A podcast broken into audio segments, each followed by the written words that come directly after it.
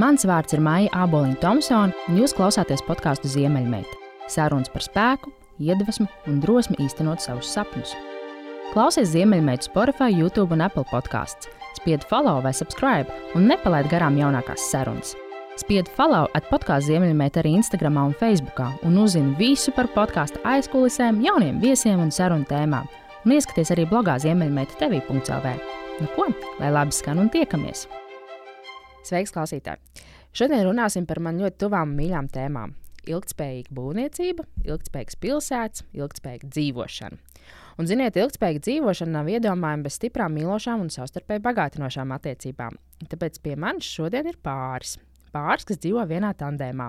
Un kā viņi paši sevi vienā Instagram postā raksturoja, viņš un viņa sieva un vīrs, bet pāri visam dzīves partneri. Vienam otra atbalsts, iedvesma un veselais saprāts, kad savējais iet uz beigām. Un tā, šodien pie manis ciemos ir arhitekte, viena no Forbes Latvijas 30 under 30 laureātēm, virtuālās realitātes arhitektūras, jeb imersīvo tehnoloģiju uzņēmumu Vividlī īpašniece, lektore, Vidzemes augstskolas programmas koka ēkas un ekobūvs direktore, startautiski atzīta kā viena no iedvesmojošākajām sievietēm arhitektūrā - Gunita Kuļikovska ķiesnere. Sveika, Gunita! Un viņas lielākā dzīves iedvesma - vīrs Kāvas ķiesners. Sveiks, Kāvi! Sveiki! Pastāst man, lūdzu, kāvi. Uh, tu esi um, sevi raksturojis, ka tu esi pats savas uh, laimes kalējs. Smaga nopūta, vai tas ir smags darbs? Um, nē, nē, nē, nē. Īstenībā man to vairāk piedēvēja mana ģimene, tāpēc ka es vienkārši pa dzīvi kuļos laiku uh, mācoties jaunas lietas un attiecīgi uh, veidojot uh, apkārt to vidi sev pats, pats savām rokām. Un tad no tā veidojās nu, arī, protams, no mana vārda. Kad uh, mans vārds īstenībā nu, nozīmē kalējs, un tad, uh, tad es pats eju pret, pretī tiem saviem mērķiem. Un tad uh, nu, nav, nav jau tas smagi, tas ir izaicinoši. Tas ir vienmēr izaicinoši. Tu mīli lietām piešķirt otro dzīvi. Vai tev ir tas um, brīnišķīgais, uh, brīnišķīgā spēja, talants ieraudzīt vecu, apsūdzējušu lietu? Tā, jo ir tādi cilvēki, kas pasakā, oh, Dievs, tas ir vecs, tas vispār nekam nav derīgs, to metam ārā. Un ir cilvēki, kas saka, oh, pagaidi, pagaidi, mēs izdarīsim šito, izdarīsim šito, izdarīsim šito, un viņš būs pilnīgi tā kā jauns un vēl labāks nekā jauns. Mm, jā, un nē. Man īstenībā vecas lietas nav tā, ka baigi patīk. Uh, Jo um, viņām ir sava vēsture, sava aura, un tu nezini, kāda viņi ir. Un, uh, ir gadījumi, kad tas nāk, teiksim, ja tas ir no ģimenes, nāk, un tev ir tam kaut kāds sentiments un mentālā vērtība. Tad, jā, uh, uz krāmu tirgiem es pirku lietas nēju, lai viņas atjaunotu. Jo nu, es nezinu, man kaut kā īsti nepatīk. Bet, uh, es īstenībā biežāk pat laikam radu jaunas lietas no uh, veciem materiāliem. Un, kā, Tas tāpēc, ka man vairāk interesē īstenībā otrreizējo materiālu izmantošana nekā teiksim, senu lietu. Uh, un arī dizainiski tīri uh, ļoti grūti ir atrast uh, tādas uh, nu, tiešām skaistas senas lietas, jo viņas tiešām ir ekskluzīvas un dārgas. Nu, mēs jau negribam, kad, kad cilvēki atjauno vecas lietas, viņi jau netiecās pēc uh, nopirkt nenormāli dārgu lietu un atjaunot. Viņi meklē uh, kaut ko palēto, tad uh, uzfrišināt, ielikt mājās, un viss ir skaisti.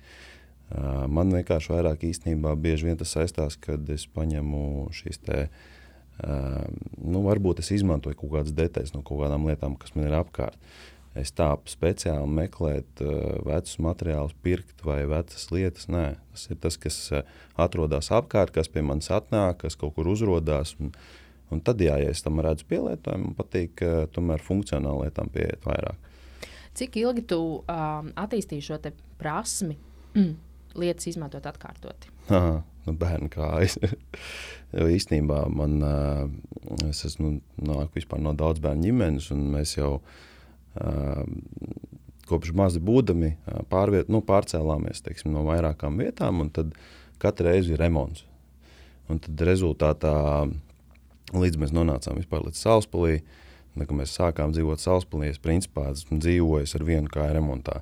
Līdz brīdim, kad es pats, iz, nu es pat īstenībā desmit gadu vecumā piedalījos jau tur slīpējis grīdas, man vienmēr interesēja izmēģināt visas lielās līnijas un, un vēl uz kaut ko, un, protams, bieži vien nevarēja noturēt. Bet, uh, Un tā tas vienkārši aizgāja. Un tad, attiecīgi, tagad, kad es izaugu līdz tādam nu, jau apzinātam, nezinu, apzinātam vecumam, tādam pieaugušam vīriešu vecumam, tad es vienkārši sāku. Jā, nu, tas ir garš stāsts īstenībā, bet uh, dzimtas īpašumu atjaunot savām rokām. Un tur, tur sākās īstenībā tas uh, tieši uh, veco materiālu izmantošana, jo tā māja pati lika mācīties, tiksim, strādāt ar kaļķu materiāliem un, un tā tālāk, tā projām, un izprast vispār, kā tā māja ir uzbūvēta. Un tad, jo vairāk es iemācījos, jo grūtāk palika to visu darīt. Jo tu saproti, cik grūti ir atrast tos visus materiālus, kad ir ļoti grūti atrast informāciju vai lietu, nu, cilvēku, kas prot to darīt. Jo viss šobrīd ir komercializējies, un jo, nu, māju vajag uzcelt ātri. Mm -hmm. Jā, neviens nav gatavs gaidīt, kad kaķa apmetums nožūs mēnesi, piemēram. Nu, bez mēnesi, nu, nezinu, bez mazā mitrinās sienas un gaidīs, ka viņas nožūs, lai viņas var nokrā, nu, labi, nokrāsot var ātrāk. Bet, nu, tas ir piemērs. Un šiem te, nu, teiksim, tiem principiem tas prasa laiku. Cilvēki nav gatavi veltīt laiku.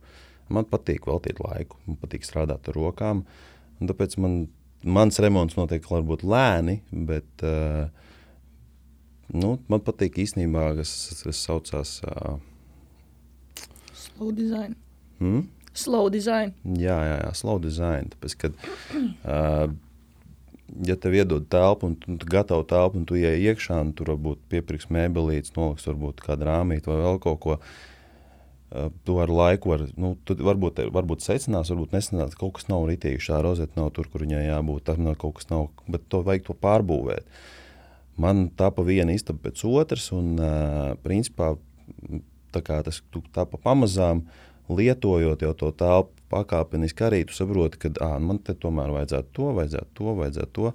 Arī nu, teiksim, veidojoties, nu, arī kad Gunita principā ienāca manā dzīvē, tad man nācās vispār mainīt savu domāšanas veidu, jo nu, tā kā,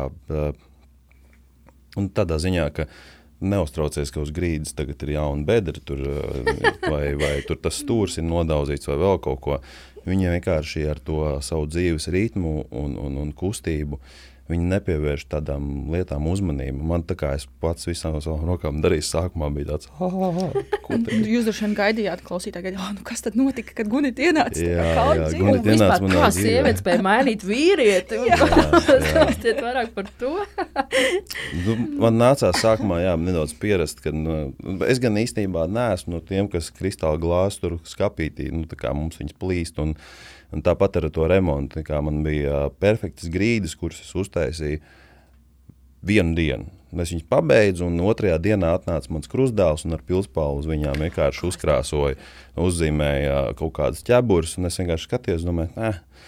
Un tad līdz ar to man Tiklīdz man nāca gunita, tur trūcis bērns, vispārējais man īstenībā pilnīgi vienalga. Tās sienas ir ar rokām nogramstītas, tā tālāk. Tas pieder pie, pie, pie. Un tas turklāt man liekas, ir šarms. Tur redz, ka tas cilvēks tur dzīvo tā dzīve. Tam katram mājoklim īstenībā jau ir kaut kāda aura, un to auru jau veido cilvēki, ar, un arī tās skrambas, un arī kā tu viņu iekārto. Un, un man, man tas vienmēr ir saistījis. Es atceros, ka Vienkārši viens piemērs bija tad, kad es pirmo reizi nonācu, tas bija vēl diezgan jauns. Mums bija radiniekiem dizaineri veidot mājas, gāja iekšā. Un, un tāds, nu, tāds svešs liekas, tāds nu, nav tā mājīguma. Un tāpēc, ka cits cilvēks ir izveidojis tev mm -hmm. dzīvesvietu. Mm -hmm. Un es gan Nu, es pats īstenībā esmu dizainers. Es gan ticu, ka dizainers var uztaisīt arī tam cilvēkam ļoti labi, bet tad tur jābūt ļoti daudz komunikācijai. Tev jābūt ļoti iesaistītam tajā procesā. Un, uh, tad dizainerim ir jāiepazīst ar cilvēku, viņa nianses un tā tālāk, lai tu varētu izveidot šo telpu viņam. Protams, ka dizainers var izveidot labāk nekā pats cilvēks. Viņš zina gan visas tur augstums, vispārējo un krās tā tālāk. Jā, un... krāsa kombinācijas, jā, nu, un viņš arī var pateikt, ko to nevajag darīt. Nu, bet, uh, bez tā cilvēka teiksim, rakstura īpatnībām, tā tā, tā projām nevar. Un tas arī, nu, tas ir izjādara arī kopā ar tiem visiem to slow design, otrie, otrreiziem materiālu, atrast lietām kaut kādu savu īpašo vērtību. Var jau visu nopirkt arī jaunu, dārgu un skaistu, un izskatīsies tikpat labi, kā tas vecais var būt, vai līdzīgi, vai, vai kopija. Bet, uh, nu, Gunita īstenībā man Gunita vienreiz es, gan par to smējos. Viņam mums vajadzēja nopirkt virtuvē lāpstiņu, ar ko nezinu, apgriezt tur kartupeļus vai vēl kaut ko. Es iegāju Mikijā, es ņemu pirmo, kas par rokai. Viņa saka, kāpēc tu šo ņem? Nē, nē, mums vajag lietu ar stāstu. Es saku, kādu stāstu?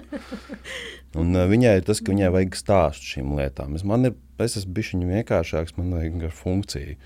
Un tā mēs dzīvojām. Tā, mums, man liekas, tas bija kausiņš. Tad uh, mēs augsto zupu lējām ar krūzi iekšā, tāpēc mēs kausiņu nevarējām nopirkt. Nu, tas reizē bija arī nu, par to, ka atrast uh, kādu lietu, varbūt nu, šī pārizmantošana. Nu, nevis pirkt jaunu, bet uh, atrast kaut kur, varbūt kādam nevajag, bet mums vajag. Bet, nu, reizē tas arī ir kaut kādā veidā tas stāsts, kas tam uh, kas sekot. Bet, nu, jā, beigās nāca tā, ka mēs viņu vienkārši nopirkām Rimī. es īstenībā nenormāli uh, saprotu, ko tu saki par to padzīvot uh, tajā telpā, līdz tu viņu sajūti. Jo mēs ar vīru izdarījām to pašu. Mēs nopirkām vecu māju.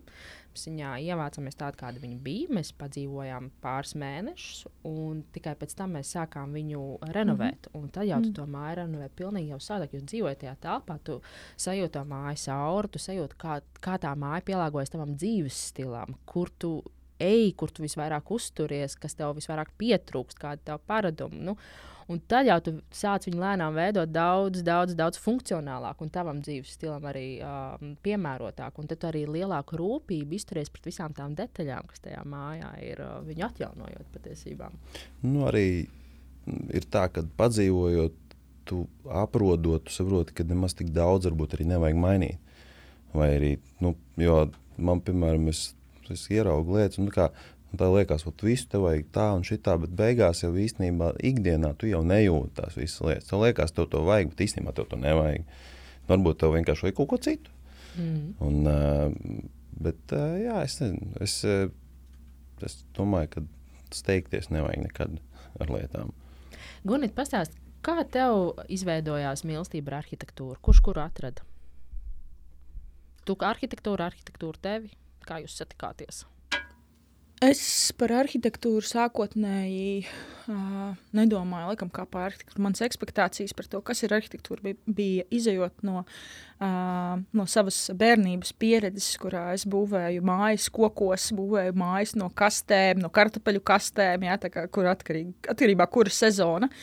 Un, uh, mm, mana tā, tā izpratne, tā pieredze jau bija tieši tajā, ka, ka tas nav tik vienīgi par uh, formu, par ēku, par kaut kādu konkrētu objektu, bet vairāk par to, kur šī kā tā dzīvojamā vide veidojās apkārt. Jo man vienmēr, būvējot tās mājas, bija svarīgi, nu, kāds man ir skats, kā es varu iziet uz upi, kur tur ir dārziņš. Un nonākot arhitektūras studijās, es biju nedaudz vīlusies tajā, jo tomēr stāsts vairāk bija par to pašu ēku. Nu, tā es varētu teikt, attīstījās. Es pati veidoju to izpratni par to, kas man ir arhitektūra un ko man nozīmē nu, arhitekts kā tāds un kas tas ir par domāšanas veidu. Un arī šobrīd es drīzāk to saucu par domāšanas veidu, kā nekā par uh, konkrētu profesiju. Lai gan tā, protams, arī profesija arhitektiem tas ir ļoti, ļoti svarīgi.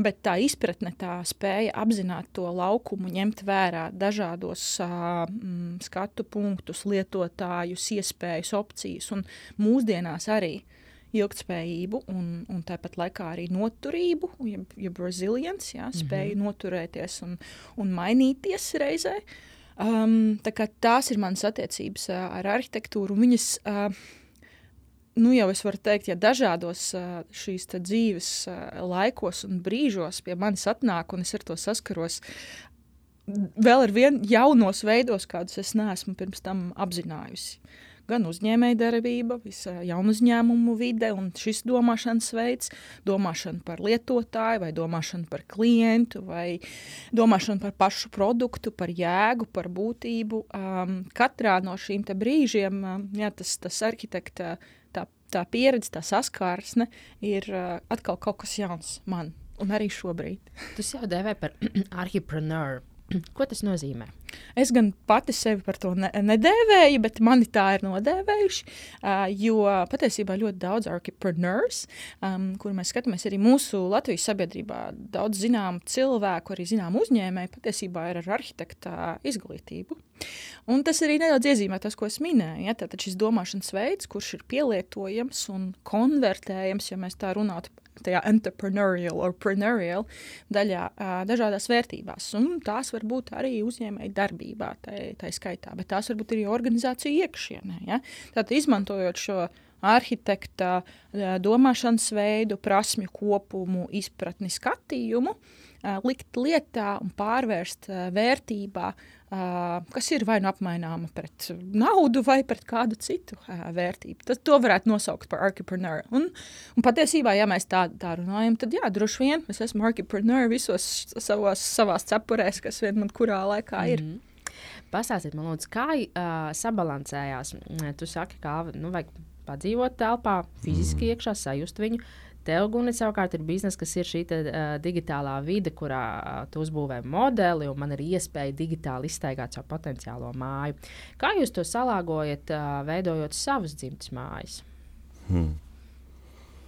Īstenībā es arī māku uztaisīt virtuālo vidi, kurā var iztaigāt telpas. Bija, to es gan darīju, mācījos uh, pirms es iepazinos. Bet, uh,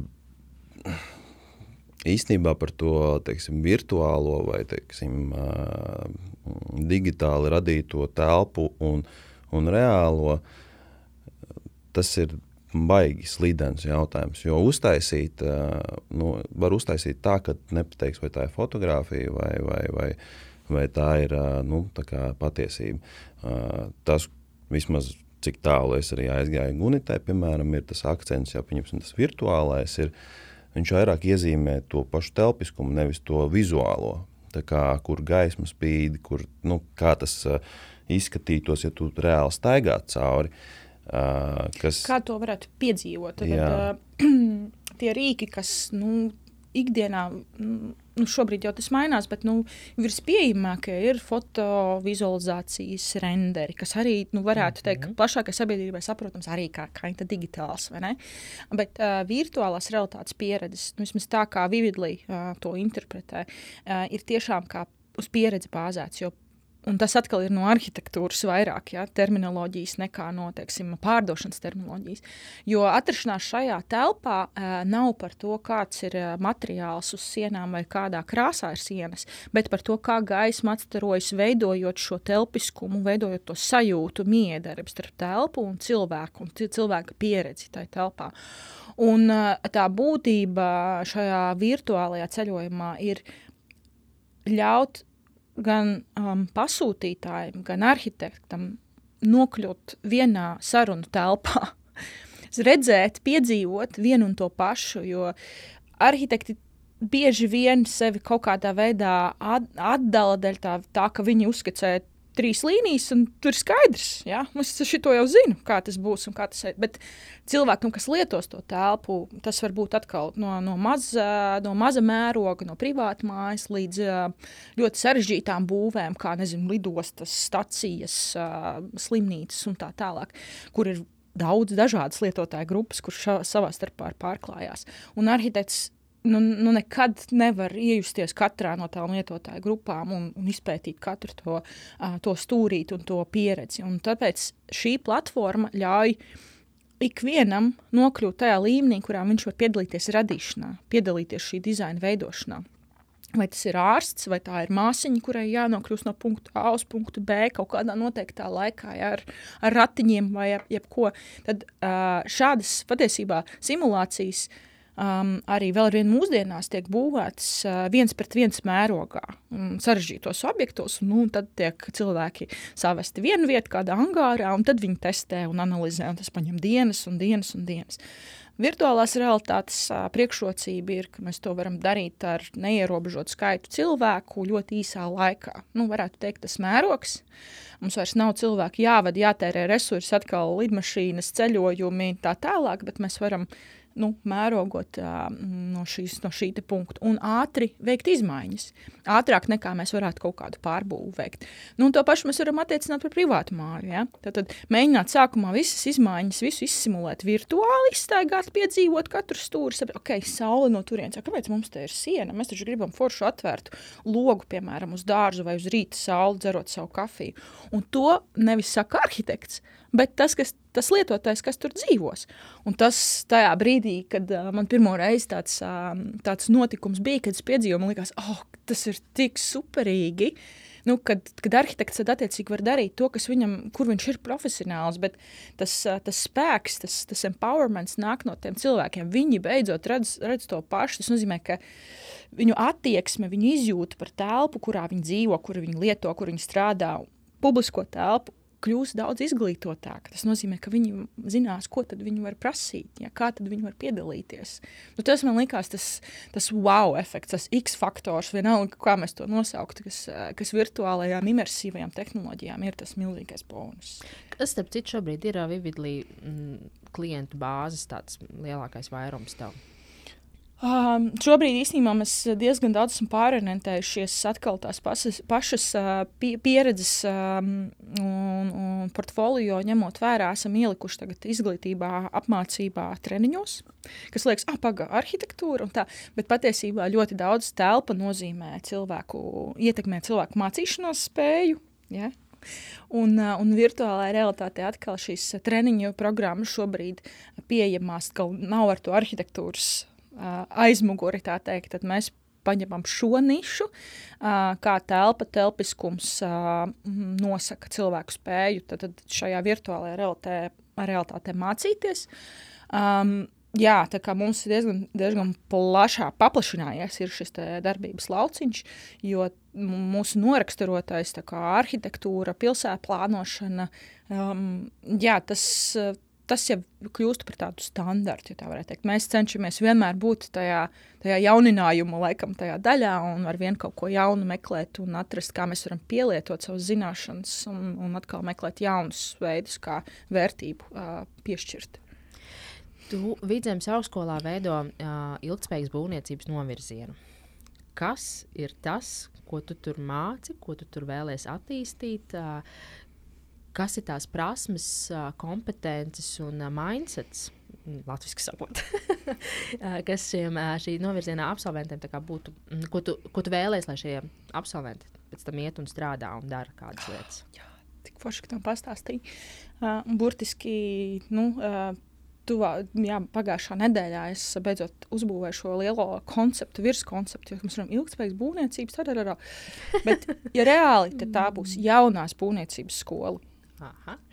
Um, jo, jo ir vajadzīgs nošķirt īstenībā diezgan kontrastēt ar to, kas šobrīd notiek pie mums Latvijā būvniecībā. Un es īstenībā nesaku, ka tikai Latvijā, uh, lielā mērā visā pasaulē un arī Eiropā, kas notiek ar būvniecību un cik tālu mēs esam no šiem ilgspējības uh, jebkurām vadlīnijām. Un, un pētot dziļāk statistiku, skatoties, kā, kā, ko uzņēmumi dara un cik ļoti lēni viņi dara un cik ļoti atpalikuši faktiesībā ir mūsu arī šī pārvaldības sistēma šajā sektorā.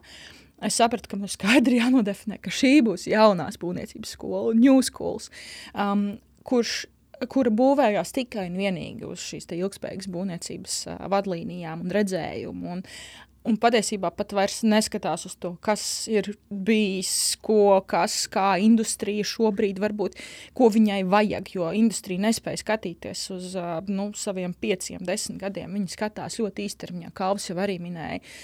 Būvniecība ir ātri uzbūvēt, ātri pārdot. Ja?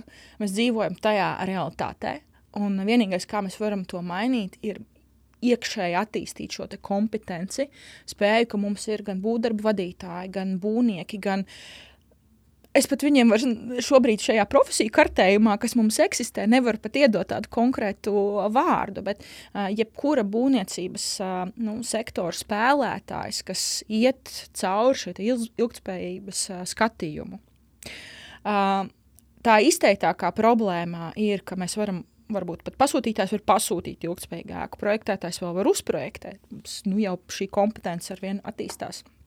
Bet tas, kas notiek būvlaukumā, uh, ir pilnīgi ārpus, ārpus kontrolas, tas, cik tālu tas ir no ilgspējības. Ja? Un tas nonāk pie tā, ka tas projektētājs staigā ar pirkstu un baksta. Un tas, mēs nevaram šeit iegūt mērogu, mēs nevaram šo adresēt uz uh, publiska tipa būvēm, uz trešās grupas būvēm. Mēs varam varbūt privāti mājā izstaigāt cauri un izbakstīt. Ja? Bet mēs nevaram iegūt to, ka mums vajadzētu teiksim, Latvijā visām uh, publiskajām būvēm, visām trešās grupas būvēm būt teiksim, ekoloģiskām un varbūt pat ražot no, pilnībā no koka, ja? kā citas valstis ar vienu to atbalstu. Lai mēs to nodrošinātu, mums ir vajadzīgi šie speciālisti. Um, nu, Tā ir speciālistu grupa, kuru mēs arī sagatavojam, kur šīs jaunās būvniecības skolas galvenie tiksim, pīlāri, uz kuriem tā balstās, ir ilgspējīga būvniecība, aprites būvniecība, koka būvniecība, kompetence un ekspertīze un digitalizācija. Visas šīs lietas kopā strādā un uzņēmumam, kurš ir ar progresīvu skatījumu un kurš vēlas nezaudēt konkurences tirgu, nevis tā kā eksistēt šodien, bet tiešām skatīties uzņēmumu ilgtermiņā, viņam ir nu, jārod veidi, kā gan investēt uh, savos, savā resursā, uh, gan mums ir jādod viņam iespēju arī personālu piesaistīt, kas varēs šo virzīt uz priekšu.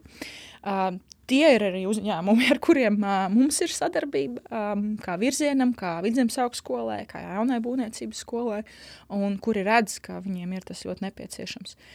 Reizē arī apzinoties, ka būvniecība mūsdienās uh, nav tikai un vienīgi ielējam pamatus, būvējam sienas, liekam jumtu.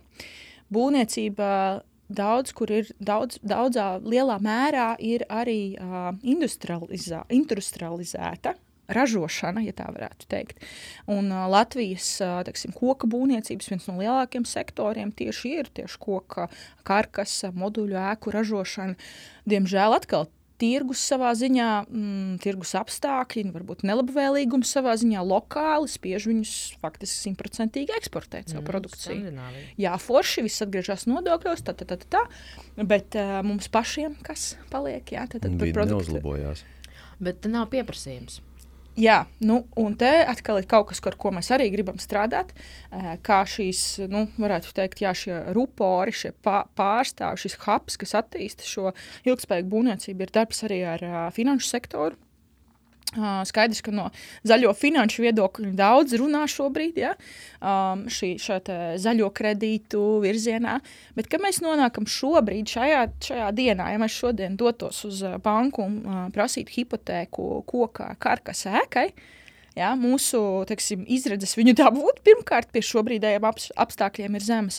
Otrakārt, procentu likmes un, un paaugstinātie riski, kas saistās ar kokākām kurām šķiet, ka pamatojumi nav nekādi, ir kaut kāds mītisks sajūta par to, kā kādreiz ir bijis. Vienkārša lieta, ja? kā mēs runājam par zaļo, zaļo, zaļiem koridoriem un viskaut kādām lietām, bet tad, kad jebkurš iedzīvotājs saskarās, tad lūk, šis prestižs un šeit tā pieejamība un pieprasījums uh, apgriežas, jo bankas lielā mērā nu, jā, korģē, nezinu, moderē, varētu teikt, tā, šo te, būvniecības tirgu, īpaši, kas saistās ar privātā sektora būvniecību. Bet ne tikai attīstītājs, ja viņš pat vēlētos koku būvi. Nu, tad viņam ir jārēķinās, ka viņam ir savs finansējums tajā jāliek. Nu, tad mēs atkal to mērogu nevaram, nevaram uzsākt. Muļķīgs jautājums, neprofesionāls jautājums. Bet um, uh, Man liekas, kāds uh, mūžnieks stāstīja, ka uh, koks īstenībā esot visnoturīgākais pret uh, ugunsdrošais materiāls. Mums ir tā aizspriedums, ka kā koka māja taču noteikti čik, čik un gatavs, bet patiesībā koks Mums ļoti maķības, ilgi uh, notur to siltumu sevī. Viņš, uh, stipri lēnāk deg, un tāpēc arī Somijā būvē šīs trīs stāvu, pieci stāvu, septiņu stāvu koku mājas. Pat 17 stāvu. Jā. Ir taču arī veikti nu, reāli vienkārši testi. Jā, tas... Bet, principā, metāls zaudē stingrību, betons zaudē stingrību, koks uh, lēnām grūst. Un, un, un, uh, man liekas, nu, es man liekas, pat universitātē, kad vēl studēju, tad arī pat, mm, pasniedzējs uh, runāja par to, ka ķīpselā varētu uzbūvēt uh, nu, augstāko koku teiksim, ēku, nu, kā Baltijā. Bet, nu, tas, protams, ja tev nav apkārt šo vizionāru, un kas grib bīdīt un izbīdīt, tad uh, Beigās es neatceros, kurā valstī, bet uh, uzbūvēja Norvēģijā. Nu, tagad vai... jau vispār ir tagad ļoti populāri. bet, uh, bet, bet principā nu, koks, protams, tas ir tāds mm, cilvēkiem arī nu, daudz, daudz ir arī saistībā ar siltināšanām. Jā. Cilvēks nosiltina ar, teiksim, ar putekļu māju. Tas puteklis ir vienkārši pielicis sērkociņu, un vienalga, vienalga kāds savu materiāls ir iekšpusē, tas notiks daudz ātrāk. Nu, tāpēc, nu, tur, nu, tas, tas, ir. Ir, tas ir tiešām tik milzīgs mīts. Un sajūta, ka, nu, galvenais, ka mums arī Latvijā ir ļoti spēcīga kompetence. Mums ir speciālisti, kas, speciālistu grupa pat, kas ir strādājuši pie Eiropas standartiem ugunsdrošībā, un kuri ikdienā testē dažādu veidu koku materiālus un tā tālāk. Jā, koks vienkārši ir lab, labākais materiāls šajā. Bet atkal jurisdikcija, ja, likumdošana, klase, kas ir piešķirta koku ēkām, uzreiz ir daudz zemāka. Attiecīgi, bankas skatās, ah, ok, zemāka klase, risks augstāks iz, izējošie faktori. Ja? Uh, neatkarīgi no tā, cik ilgspējīga un zaļa būtu šī būve, cik reciklējama būtu šī būve. Ja? Another, kā, vēl viens uh, būtisks aspekts. Un mēs nerunājam tikai par jaunām būvēm, bet arī par atjaunošanu, par mūsu dēvēto kaina siltināšanu, renovāciju. Ja? Kā, ko mēs darām ar, ar to? Un ka tur arī varētu būt. Visus tos siltinājumus materiālus jau pēc tam nevar uh, utilizēt. Nemaz. Nu, tā kā tu ražo nepārtraukti uh, principā, atkritumus. Mm. Un tas nav. Nu, tad, tāpēc arī saku, ka nu, tā kā, principā, tā ir tas, tā galēji bišķiņa arī. Mēs, uh, ir, nu, es tagad vienkārši novēroju, ka daudziem patīk pirkt vecas mājas, kas nevienmēr būtu jādara, būtu jāizvērtē. Jo, kā, beig, beigās citreiz viņi nosiltina viņu ar tiem pašiem atkritumiem, vai sāk betonēt, vai nav tā tālāk. Viņas beigās, nu, tāpēc, ka to māju iespējams citādāk nevar saglabāt vai pārāk dārgi. Visi atdurās pret finansēm. Un tāpēc tad, teiksim, tā par nu, vecmāju atjaunošanu tā ir baigi jāizvērtē. Bet tādā pašā laikā mēs siltinām vecas betonu mājas, ja, un uh, neiegūstam tā vietā. Mēs varētu būvēt uh, nu, koka ēkas, teiksim, daudz dzīvokļu vai daudz stāvu. Un, un, un, un īstenībā no, nu, tur var, tas, tas, tas, ir vairāk gunits lauciņš, viņai patīk par to runāt. Bet principā jau, uh, ja mēs, nu, zaļais kurs jau arī tajā virzienā viss iet gan viss tas oglekļu uzkrāšana, nu, tas to jau dara koks. Ne cements, ne, ne, ne putekļs, ne akmensvātis un, un, un tā tālāk. Mums bet... ir pietiekami daudz dabīgiem materiāliem, kuriem strādāt. Bet, tas, ka nav pieprasījums, es tam es nepiekrītu. Es domāju, ka pieprasījums ir liels. Ja, cilvēks, ja cilvēkam prasa, vai tu vēlēsies uh, dabisku māju, protams, kas ir dabiska māja? Tieši tā, kas ir dabiski un kas ir ilgspējīga māja. Jā, mm -hmm. jo cilvēkam, nu, tā kā ir sevišķi tāpēc, ka mums tādā būvniecības lauciņā strādā šie te, pirmkārt, cilvēki, kas nemāk strādāt ar materiāliem, teiksim, mūsdienīgiem, jau nu, moderniem, jo viņi ir pieraduši, viņiem ir uh, viss tur ģipšs paktels un viss pārējais, uh, akmensvāte, metāla profiliņi, nu, standarts. Tā vietā, lai teiksim, nu, ir gan kaņepē, ir jā, kokšķiedra un tā tālāk, tā projām. Un Latvijā galvenais nav tik vienkārši nopirkt, jo nav pieprasījums pēc tiem materiāliem. Bet tas tāpēc, ka būvnieki nepiedāvā to cilvēkiem. Plus vēl cilvēki beig, beigās, pat ja viņiem piedāvā, viņš izvēlās, ah, nē, šis ir dārgi. Tāpēc viņš skatās teiksim, arī īstermiņā. Tu nodzīvos teiksim, slikti ventilējumā, vai nedod Dievs, tu pelējies vēl kaut ko ēkā vienu gadu. Tu iespējams zaudēsi desmit gadus nu, mm. no savas dzīves. Kur uh, piesaistīs ekspertus, kas sagatavo šo jauno būvnieku skolu? Es ar viņiem visvairāk lepojos. Man ir tāds power teams, uh, kas faktiski spēka komanda, kas ir uh, nu, savu pieredzi guvuši tieši Skandināvijā un uh, caur vienām koka dienām, paldies uh, Ervīnam Krauklim, uh, kurš tādas organizēja. Uh, es faktiski atradu visu sev, sev nekā, uh, Um, vajadzīgos cilvēkus, kas varētu stiprināt šo virzienu, kas veid, viņus apvienot tajā kontaktpunktā, tā varētu teikt. Aivars Vilguts, kas ir projektējis ļoti daudz, daudz stāvu koku ēkas visā pasaulē, bet tā teikt no Norvēģijas prizmas. Uh, un redz to 20 gadus uz priekšu, kā mēs, mēs šobrīd ja, redzam, un kas ir tas aktuālais. Tad mēs ar viņu daudz arī diskutējam, ko mēs vēl varam saglabāt, atgriezt, kā mēs varam būt konkurētspējīgi, kā mēs varam ar Norvēģiem par kaut ko runāt. Tad mēs esam nodefinējuši, ka koks, koks savienojumi ja, ir tas, tas interesantais. Uh, Marija Katrīna Dāmba, kas savukārt nu, tieši par ilgspējību no arhitektūras puses, bet ļoti koncentrējas arī uz aprits būvniecību, uz materiālu pārstrādi, atgriešanu lietošanā, viņu atsakošanu un tā tālāk un tā joprojām. Ar viņu kopā mēs ļoti daudz praktiskās lietas integrējam iekšā. Jā, būtiski šajā nedēļā sākām strādāt ar, ar pašu Terbats ielas kampusu Valmierā. Mums tur ir ēka, ko mēs gribam dot auditēt studentiem un pārtaisīt dizainu, tad, tad šādu laboratoriju ietveros. Šobrīd mums ir nodibināta tāda ilgspējīgas būvniecības laboratorija, ar kuru mēs atkal padziļinām to pētniecību un atgriežam viņu atpakaļ. Valmiera kopumā tieši Vidzemes augstskola ir uh, applied, tātad nu, lietišķā, jā, lietišķā, tad tas ļoti daudz bazējas tieši uh, praktiskajā pieredzē. Um, Krišāns Zaķis, kas, piemēram, ir par digitalizāciju mums, uh, eksperts, un to visu atkal ietērp, jā, ok, kā, ko mēs skenējam, kādus datus iegūstam, kā ātri apstrādājam, kā pārizmantojam un tā tālāk. Nu, saki, kur? Nu, es tik dabūnu tā kā savā, savā tīklā, ārpus sava tīkla, ejot, meklējot, skatoties, kas vēl, un arī, nu, tagad jau nākošais līmenis jau ir, ka šie cilvēki jau paši piesaista, ka, kas mums vēl būtu interesants.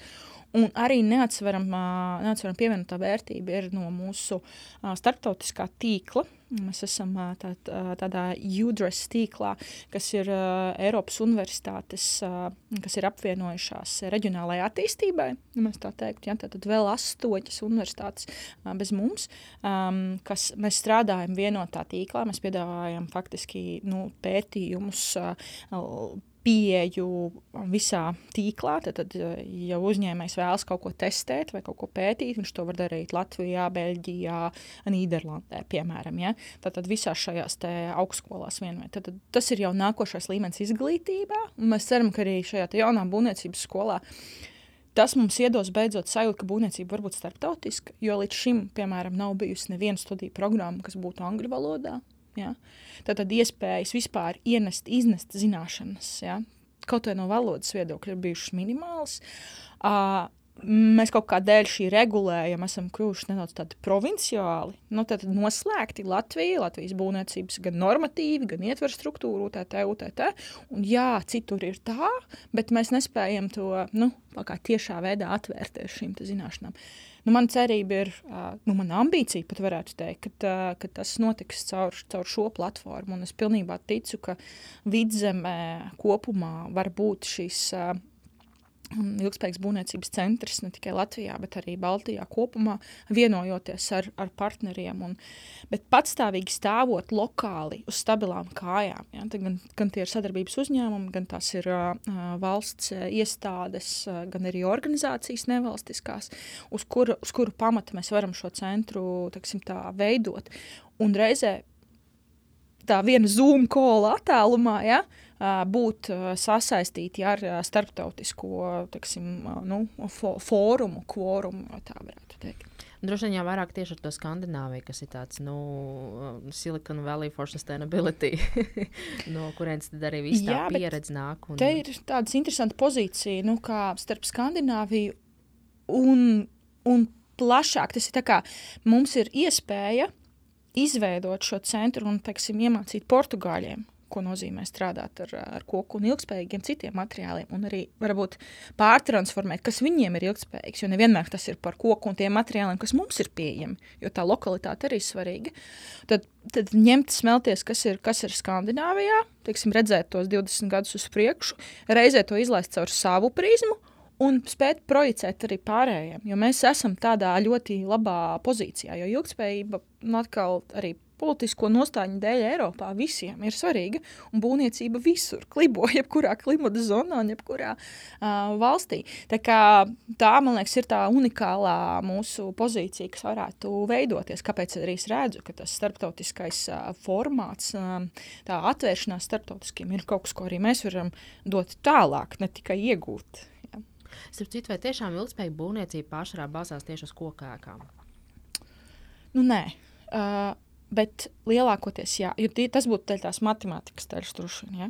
Tas life cycle analysis, kad liekam kopā to karbonu oglekļa pēdu, ja, dzīves ciklā, tad uh, tas ļoti, ļoti daudz atsver, atsver. Bet, protams, ka, ka būtība ir par salikumu, par materiālu salikumu. Un, uh, un arī par to materiālu otrreizēju lietošanu vai iespēju pielietot šos otrreizējos materiālus. Uh, Nu, jā, faktiski, ja mēs tā nu, nu, mums tīri. nav koka ēka. Jā, uh, saprast, kas ir kas ir pieejams, kā to salikt, um, salikt kā pīrāgu, piemēram, tā, lai tas būtu potenciāli jā, ilgi, ilgi dzīvojošs ar mazu ietekmi uz uh, vidi vai vispār neietekmi. Un koku gadījumā faktiski tas ir tāds kā vēl avants, ko paņemt.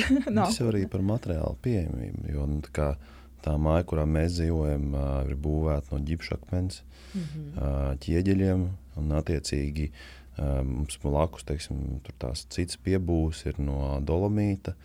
Ja, un tie materiāli jau principā ir uh, lokāli Salaspīlī apkārt bijuši tajā laikā. Māja ir vairāk kā simt gadus veca. Kā, un, nu, protams, saistīta vēl ir kaļķis un attiecīgi koku materiāli ir tikai tik, cik starp sienas, jā, pārsedzes jumts.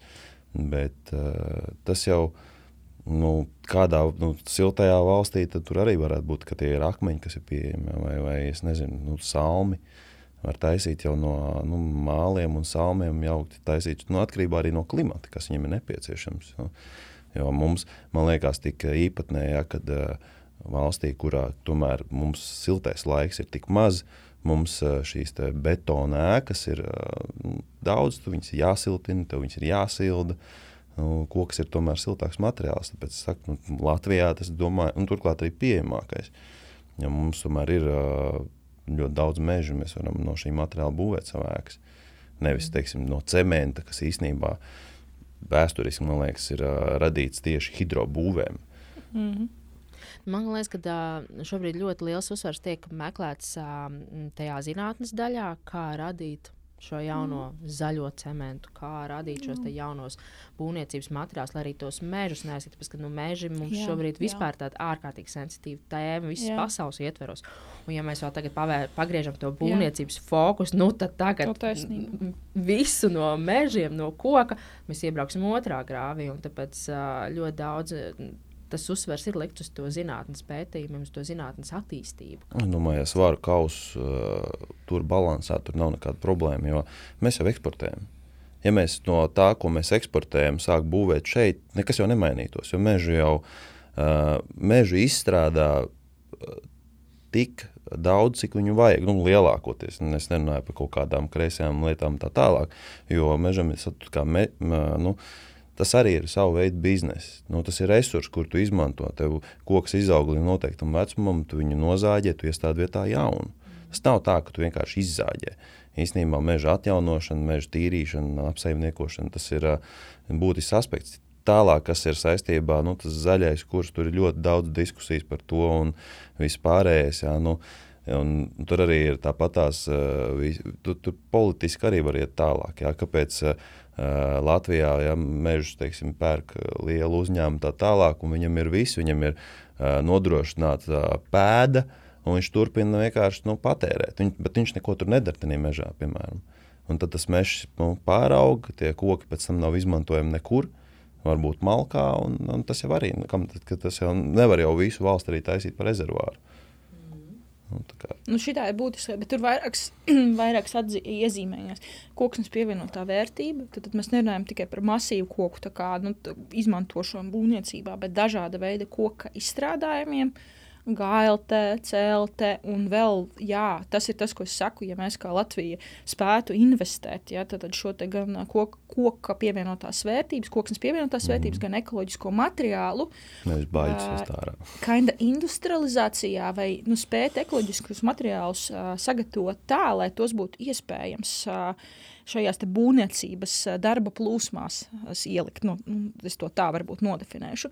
Un, un mums ir lokālie materiāli, gan tā pati kokšķiedrai, gan, gan tas pats kaņepju materiāls, daudz dažādos veidos. Ja mēs investētu zinātnē šajā te, tad mums, mēs paši būtu milzīgi ieguvēji, ja mēs varētu būvēt no vietējā materiāla. Ja nevis teikt, oh, paga, kokšķiedra ir dārgi, jo viņu ražo, ražo Vācijā. Mm. Ja, bet mēs varētu viņu ražot arī šeit.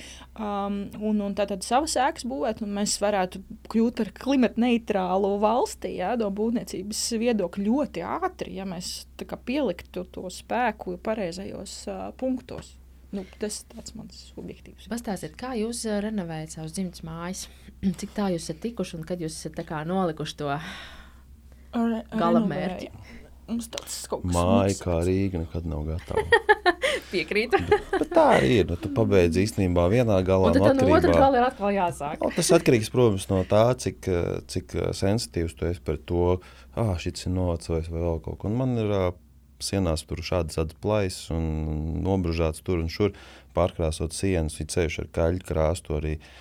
Tev nav trīs dienas jāveidina telpas, tu no, nokrāso un viņas nožūst pāris stundu laikā un viss un dzīvo tālāk un neiespringst. Un var piekrāsot pleķīt, viņas ir māksliniecisks jau pēc dabas. Nu, uh, mājas, mājas atjaunošana tas ir uh, ļoti lēns process, ja tev nav daudz brīvā laika un brīvo līdzekļu. Jo, nu, nu, īstenībā būsim godīgi, ka, ja tev jānomaina mājā jumts, tas ir principā hipotekārais kredīts vismaz. Vai.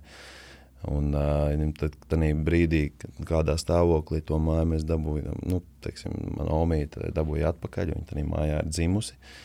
Un viņa bija nolaista. Nu, tagad tad, mums ir apdzīvots pirmais stāvs, ir ap, nu, principā apdzīvots gan arī otrais stāvs tajā mājai. Un tagad ir principā jāsāk nu, bērnu istabu taisīt. Jā, nu, bet, bet nu, veicās labi. Veicās Bet, labi bet, bet māja atr atrodas ļoti centrālā vietā. Tā vairs nav tā, tikai privāta māja. Tā faktiski tas tāds gandrīz kā tāds īres nams ar komercplatībām pirmajā līmenī. Un, uh, Un, un jāsaprot, ka uh, tam kvartālā attīstībā ir bijuši kultūras slāņi, slāņi, un var redzēt, ka tur ir savienojumi, piebūves. Un, Faktiski uh, nu, nā, pagājušo gadu mēs sākām ar to, ka mēs cenšamies atbrīvoties no tiem piedēkļiem, kas ir vis kaut kur piestumti klāt. Uh, kas Es to desmit gadus daru. nu, jā, no iekšas, no āras, bet arī vizuāli, tu kā sajūti, ka oh, tādas brīvās formas ļauj sajūta. elpot, Jā, vai ne? jā. Un, uh, un no tiem piedēkļiem un tiem uzslāņojumiem. Un jāsaka, ka tas ir arī pilsēta, pilsēta telpiski, pilsēta būvniecisks darbs. Jā, ne tikai darbs ar pašu māju, vai, vai tur ir māju nu, ēku grupas, bet vispār saprast, kā tas kvartāls dzīvo. Uh, nu, arī attīstoties un mainoties salaspilī. Jo, ja kādreiz tur bija garām gāja iela, kur bez mazliet tā, ka nu, izējot ārā te, no tās tām komerces telpām, uzreiz tev mašīna pašā garām, tad tagad jau, protams, cilvēkiem ir jau, jau trotuārs un ir, ir kaut kāda iespēja. Pirms pieciem gadiem tikai uzbūvēja reāli tā centrālā ielai.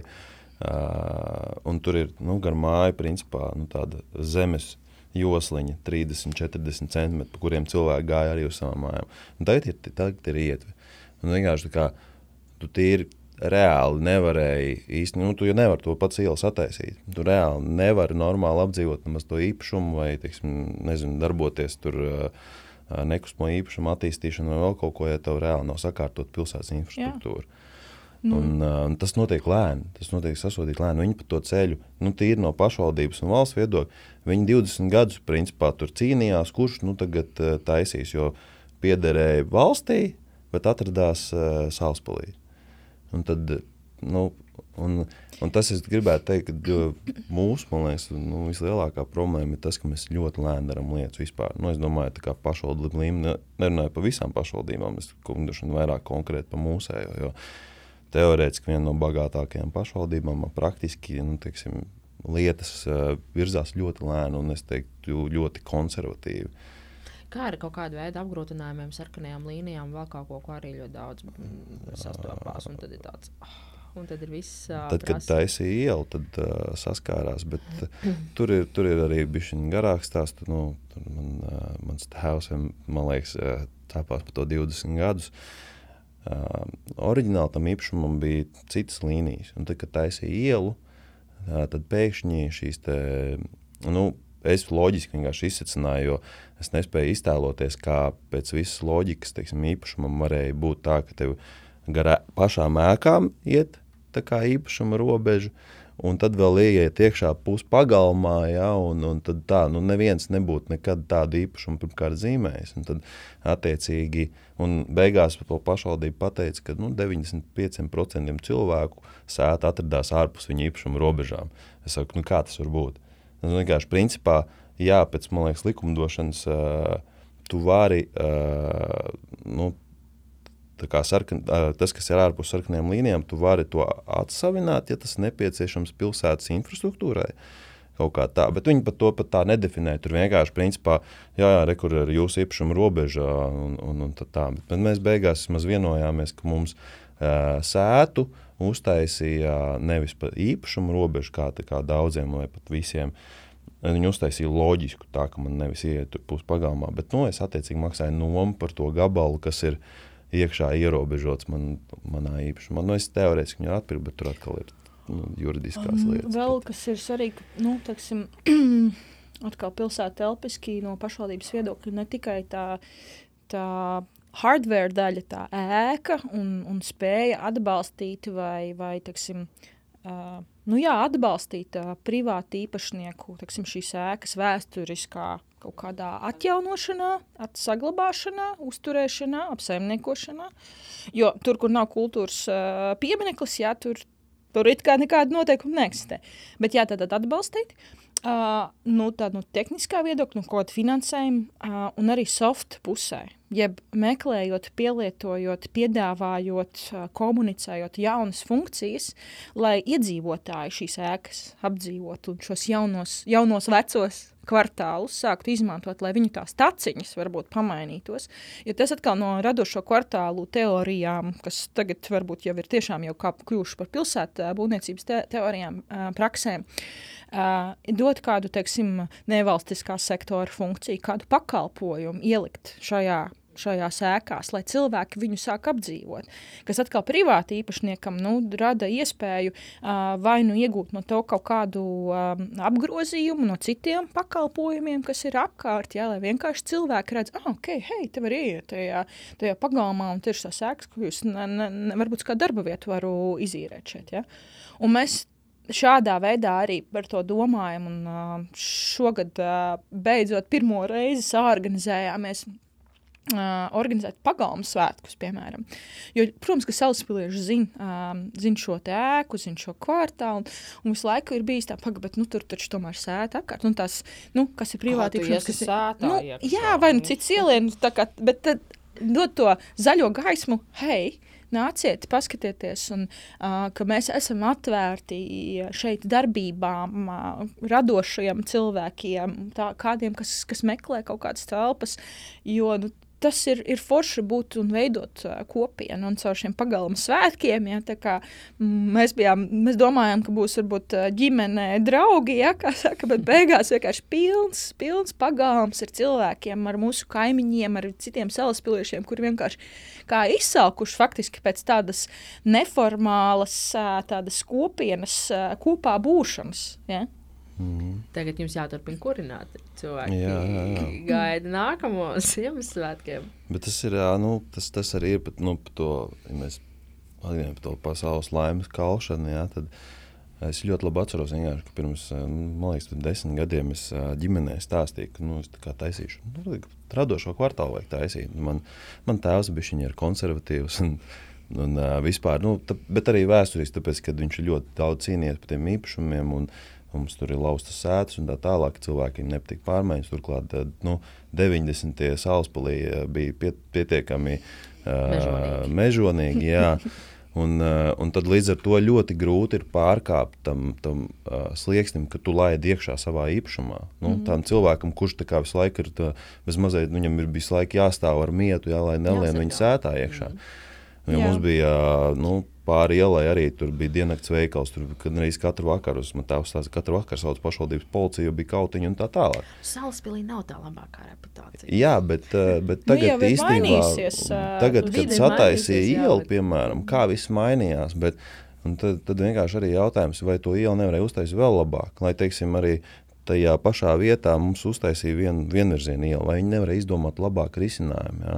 Itālijā jau neviens neta, nu, netaisa ciet ielas, tāpēc, ka viņam viņi uztaisīja no šaura ietvītu varbūt. A, mums nē, mums normatīvi nosaka, mums vajag 1,20 m, man liekas, 1,60 m dažā vietā ir, bet, bet uztaisīsim vienvirzienu. Un mums nogriež īpašumu īstenībā, uh, nu, tādu jēdzīgu, visvienkāršāko piekļuvi. Bieži cilvēki, man māsai tur ir veikals, piemēram, un viņi nezina, kā piebraukt.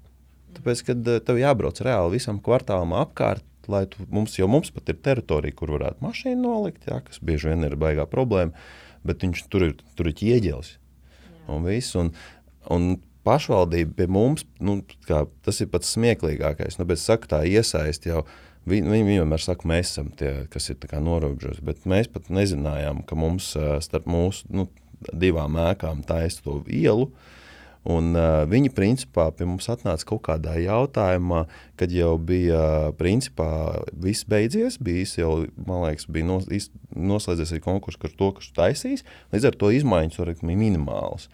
Un, zinā, un, tad, uh, un, un tur bija vienkārši super. Tev atnāk, un uztaisīt to vienvirzienu ielu un tā tālāk, un uh, nav nekādas šīs sadarbības.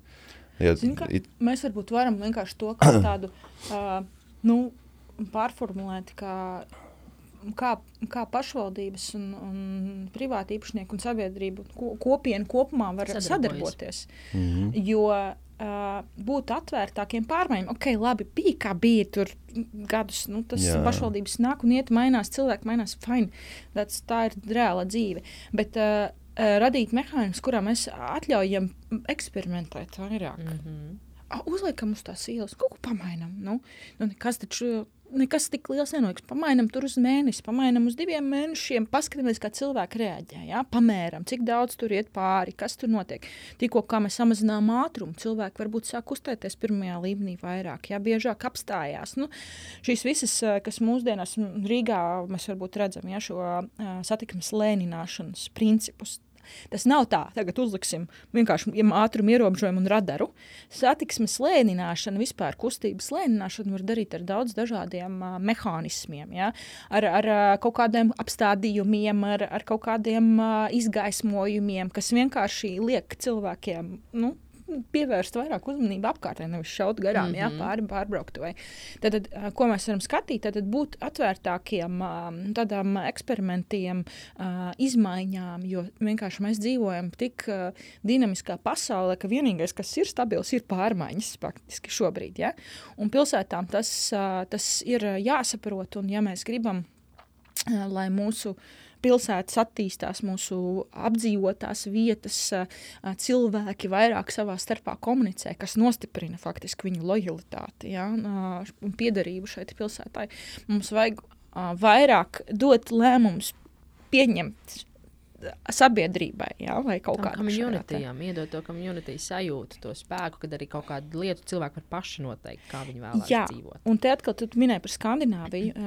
Protams, ka ļoti daudz prakses šajā iesaistē un iedzīvotāju pārvaldē ir Skandināvijai ļoti labi pazīstams. Bet te atkal no, nu, tur, tur gan es varu detāli runāt. Dažreiz mēs arī aizējam tādā pār, pārmērīgā Uber sabiedrības iesaistē, ka jebkuru jautājumu mēs prasām sabiedrībai. Es tomēr palieku pie tāda uzskata, ka arī plānotājiem, arhitektiem, nu, nosauksim to pašvaldībai, ir jāizdara mājas darbs un jāsaprot, ah, ok, labi, nu, tur ir sarkanās līnijas. Mēs zinām, to mēs zinām.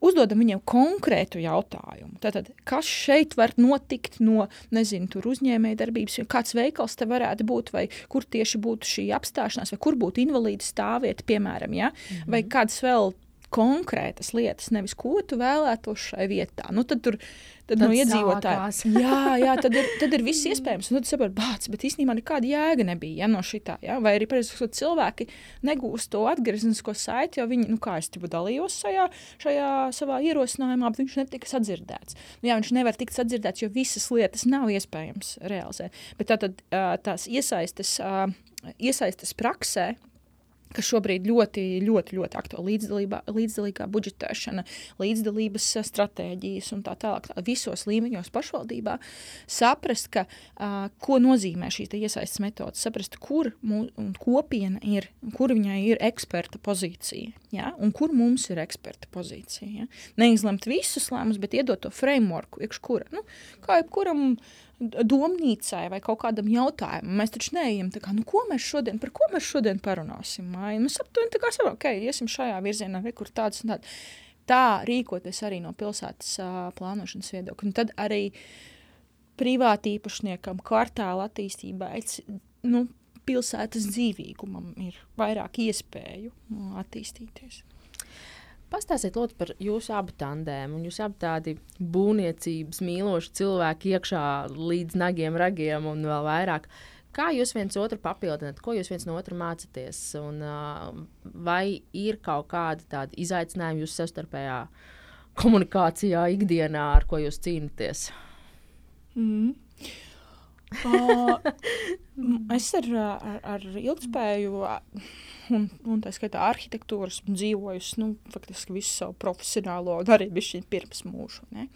Uh, taču um, iepazīstoties ar Kalvi un tagad ar vienu dzīvojot kopā, es, kas, kas vairāk sāku just to materiālu. Jā. Ja? Jo, tekstūru. Jā, jo ja man līdz šim tomēr man vairāk tā galva strādā, tad uh, viņam rokas strādā. Un, un tas, tas kaut kā laikam mūs, uh, mūs vieno. Nekādā veidā neizdalot hierarhiju starp šiem abiem. Ja? Uh, jo Mm, es esmu dvīnis pēc horoskopa, lai arī ko tas nozīmētu. Viņš ir svāri pēc horoskopa. Kā mēs eh, eh, ļoti labi spējam šīs div, divas puses, jo mums katram ir uh, divas puses, viņas spējas izlīdzvaroties un kaut kādā veidā nostāties uh, pareizajā virzienā. Vai arī nē? un to pieņemt. nē, nē, nu, kā, tas ir arī, arī bez, nē, iz, dažreiz... jābūt jau uh, diskusijai. Nevar būt, nekad nav tā, ka viss perfekti saslēdzās. Mm -hmm. Nē, īstenībā nu, bieži vien labākie lēmumi ir pēc. Mēs tos nesaucam par strīdiem, mums ir diskusijas. Viņas var būt aktīvākas, mazāk aktīvas, bišķiņ skaļākas, bišķiņ klusākas, bet tas ir diskusijas. Jo, nu, nebūs tā, ka tu pateiksi tā, jo tad, ja, tad, ja, tev, ja tev nav viedokļa, nu, tad vai tu esi iesaistījies vispār? Tā kā, tā kā nu, jā, es noteikti to kā Un arī laiku, jo laiks, jeb tāds kaut kāds miers, kaut kāds varētu pat nosaukt tāds meditatīvāks stāvoklis, jo uh, es savā mm, nezinu, kā to nosaukt, savā, savā personībā esmu ļoti ātra pēc dabas. Jā, protams, arī kaut kādā veidā mm, pārējās lietas sastājās un tevi no, nograundoja, piezemē. Um, bet jā, kāvi pieeja noteikti. Nu, viņš jau arī labi noraksturoja, jā, slow design pieeja, nevis tā kā vai ātri.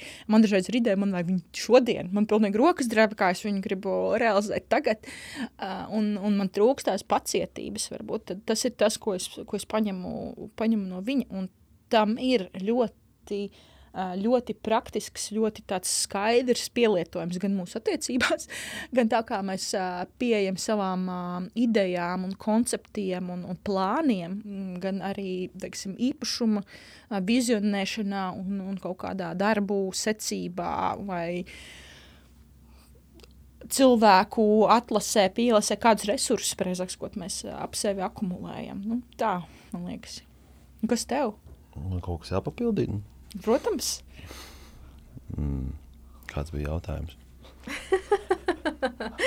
es klausījos, kā Gunits stāstīja. Nu, man, nu, baigi labi, viss forši. Forši, vai ne? Jā, forši atbildēja.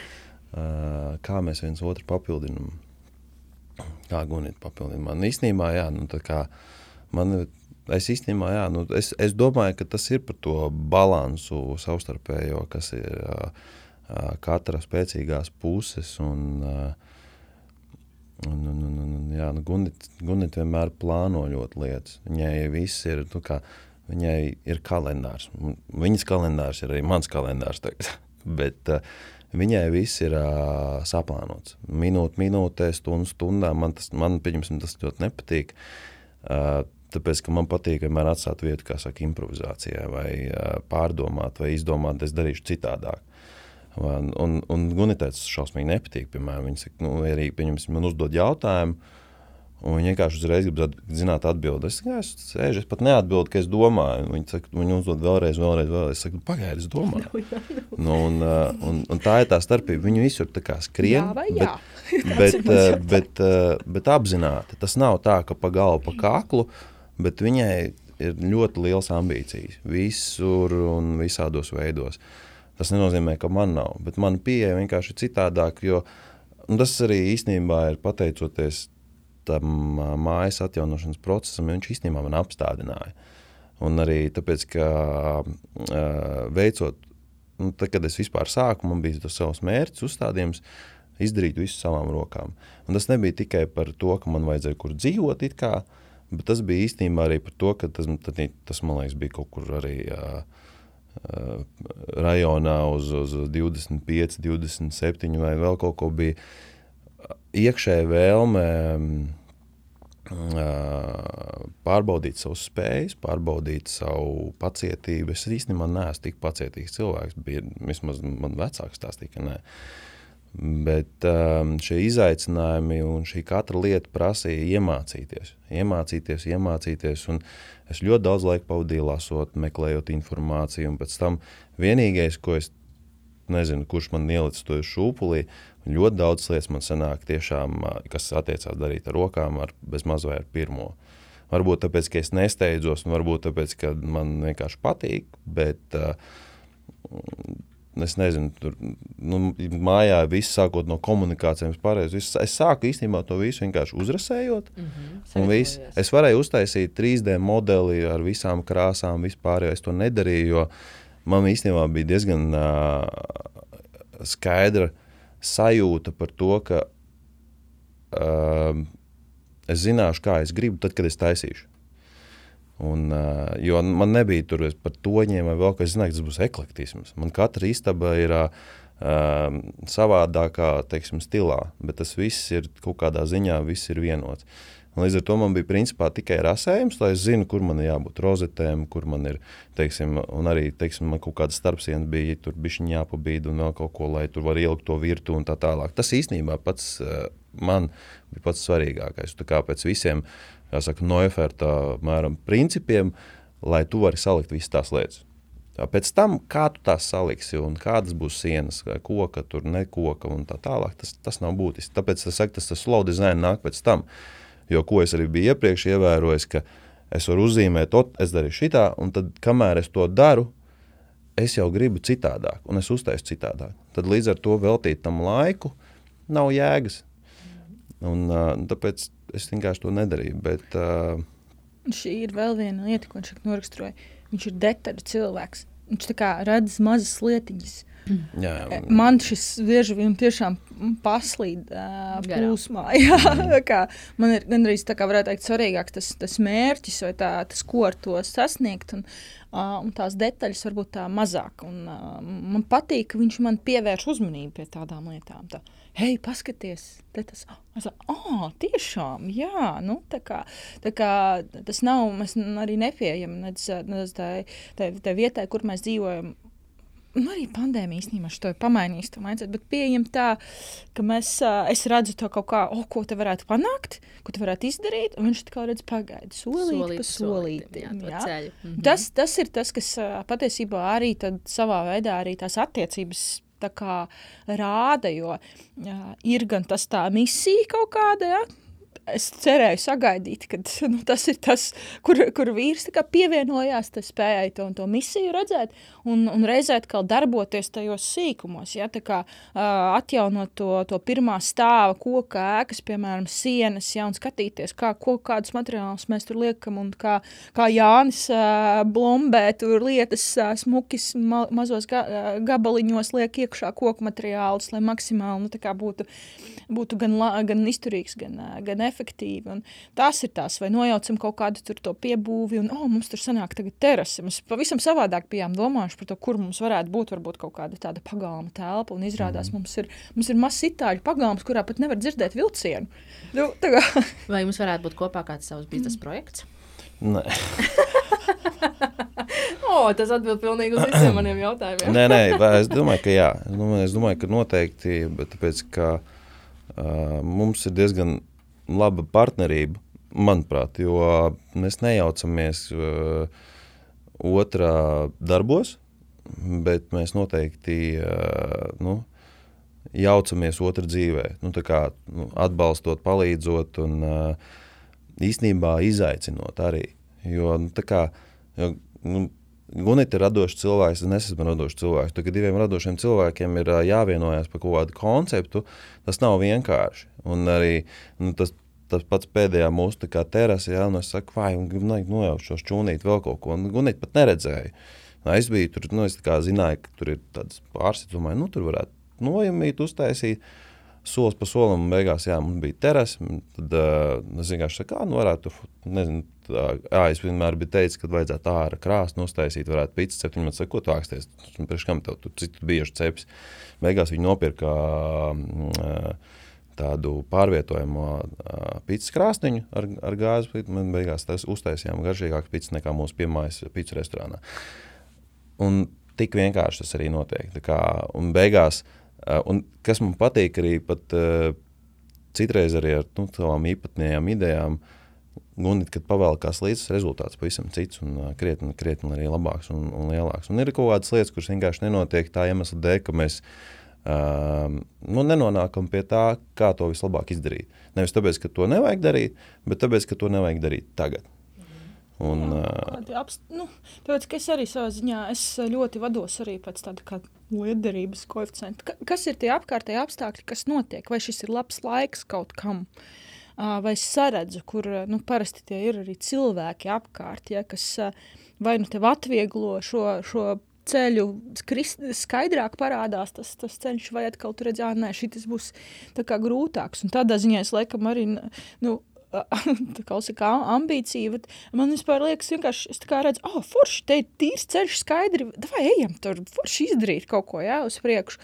Un, un tā bieži vien ir īpaši ar, ar, ar īpašumu atjaunošanu, attīstīšanu, kas ir kas atrodas pilsētā, kurā, kurā atrodas cilvēki, kas tam ikdienā iet garām, un šīs attiecības viņām, viņas nevar sasteigt.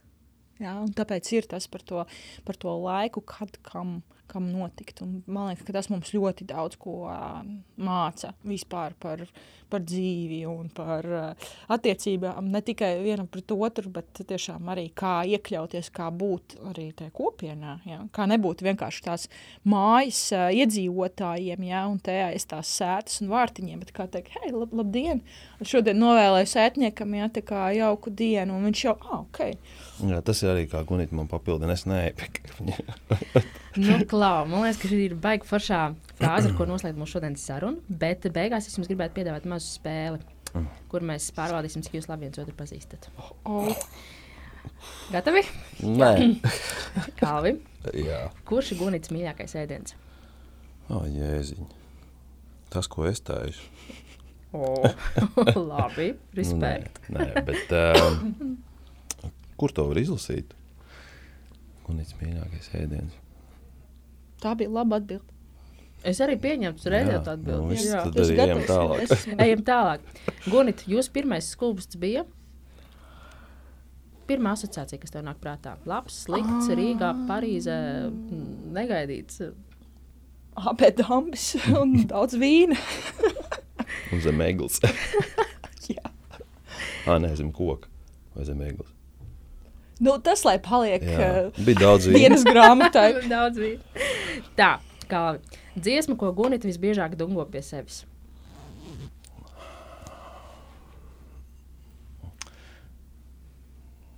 Viņi nedungo. Vienkārši skaisti liež. Nē, es vienkārši nedungoju. Viņi Izņemot nedomgo. tagad, uh, viņi bērns, īstenībā, protams, sieviešu savus kaut kādus. jā, bērnu divas stūrus. jā, un vēl Singapūras satīns. Nē, paldies Dievam, tas nav. Oh, vēl, tas, tas, tas būtu pāri bišķiņ manam izturības. Planēta Britauda, tas ir tas, kas vēl man tūta man skan galvā tagad ļoti bieži.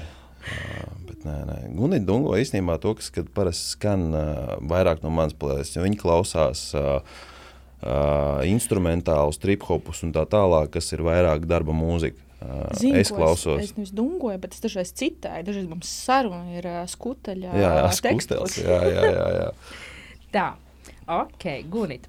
Lūdzu, turpini teikumu. Kalvis ir drosmīgs, kad? Vienkāršākais, nu. Kas tas ir? Pačuks man. Kauls ir uh, drosmīgs, uh, kad viņš jūtas brīvs. Labi. Kā drosmīgākā, varbūt trakākā lieta, ko Gunita jebkad ir darījusi? Apprecēja mani, bet uh, drosmīgākā. Šis ir kaut kāds stand-up smieklu šoviņš.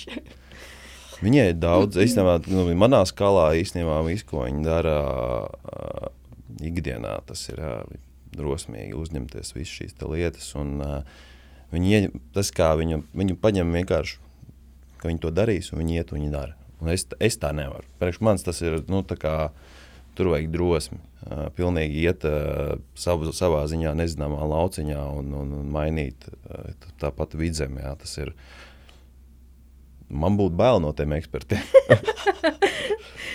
okay. Kalvija mīļākā filma. Uh, kas notebooks? Kāpēc Es to izteicu izteiksmi. jā, jā. jā, kāpēc nē, lai ir. Ok. Kā Gunitē patīk suns vai kaķis? Suns. Bingo, jā. Kalvija mīļākā grāmata. Kas būda? Es neteiktu, ka tā ir mīļākā, bet uh, priekš manis tā bija uh, controversial, kā tas būtu. Nu, tādā iz, neizaicinoša pārdomu. Jā, jā, jā, jā. Nu. Es viņai nevarēju. Es viņai līdz pusē tiku un tālāk netiku. Nu, Tāpēc saku, nu, kā ja izlases galam, tad nu, tur bija vairākas tādas atsauces. Nu, man tas ir reliģiskais aspekts, tā bišķiņa, bet, bet tur bija tādas pāris lietas, kas man baigā, baigi. Man patīk ka tā doma, ka tu par to nākotni, ka tu baidies no lietām, kas varētu notikt, un tāpēc tu kaut ko neizdari. Un tas ir viens no manas dzīves vispār moto, kā, jo man ir nācies saskarties ar tādām lietām, kas tiešām kā, tev ir bail, to, nu, varbūt ne gluži bail, bet tu ļoti negribi to darīt. Un, uh, un tu reāli neiemācies varbūt kaut ko jaunu. Man remontā ir bijušas daudz tādas lietas, kur vienkārši ir jāiet un jādara, un tu izdarīsi. Ok. Gunitas ideālais piekdienas vakars. Kopā ar pieredzi. Ar, uh, no, nevar stāstīt visu, bet uh, jā, uh, divi tā. Intīmi, tuvi. Gunita pie mājās. Mājā. Tā, ok, Gunit, kas ir labākais padoms, ko Kalvs tev ir devis, vai gluži pretēji sliktākais padoms, ko Kalvs tev ir devis? Mm, un viņi jau, kā saka, šie padomi, vismaz uh, labie, ir jau nosēdušies, un, un jau es viņus esmu adaptējusi kā savus, gandrīz tā varētu teikt. Uh, ja, ja, kā tur bija, ja nebūs, uh, ja nebūs uh, savādāk, tad būs citādāk. Nē, nē. Būs labi. Ja nebūs labi, tad būs citādāk. Jā, jā nu kaut kā tā. Tad tas man ir tāds dažreiz, "Ah, jā, labi šo atcerēties. Labi, kāvi. Gunits mantra brīžiem, kad viņai vajag saņemties. Tad viņi parasti, man liekas, rūc.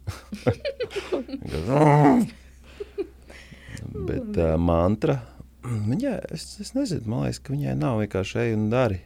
Nu, kaut kas līdzīgs, jā. ka Norūcies kuras- un ej un No, dari. norūcies, un Aiziet. tad kā, jebkuras bailes uh, var pārvarēt ar darbību.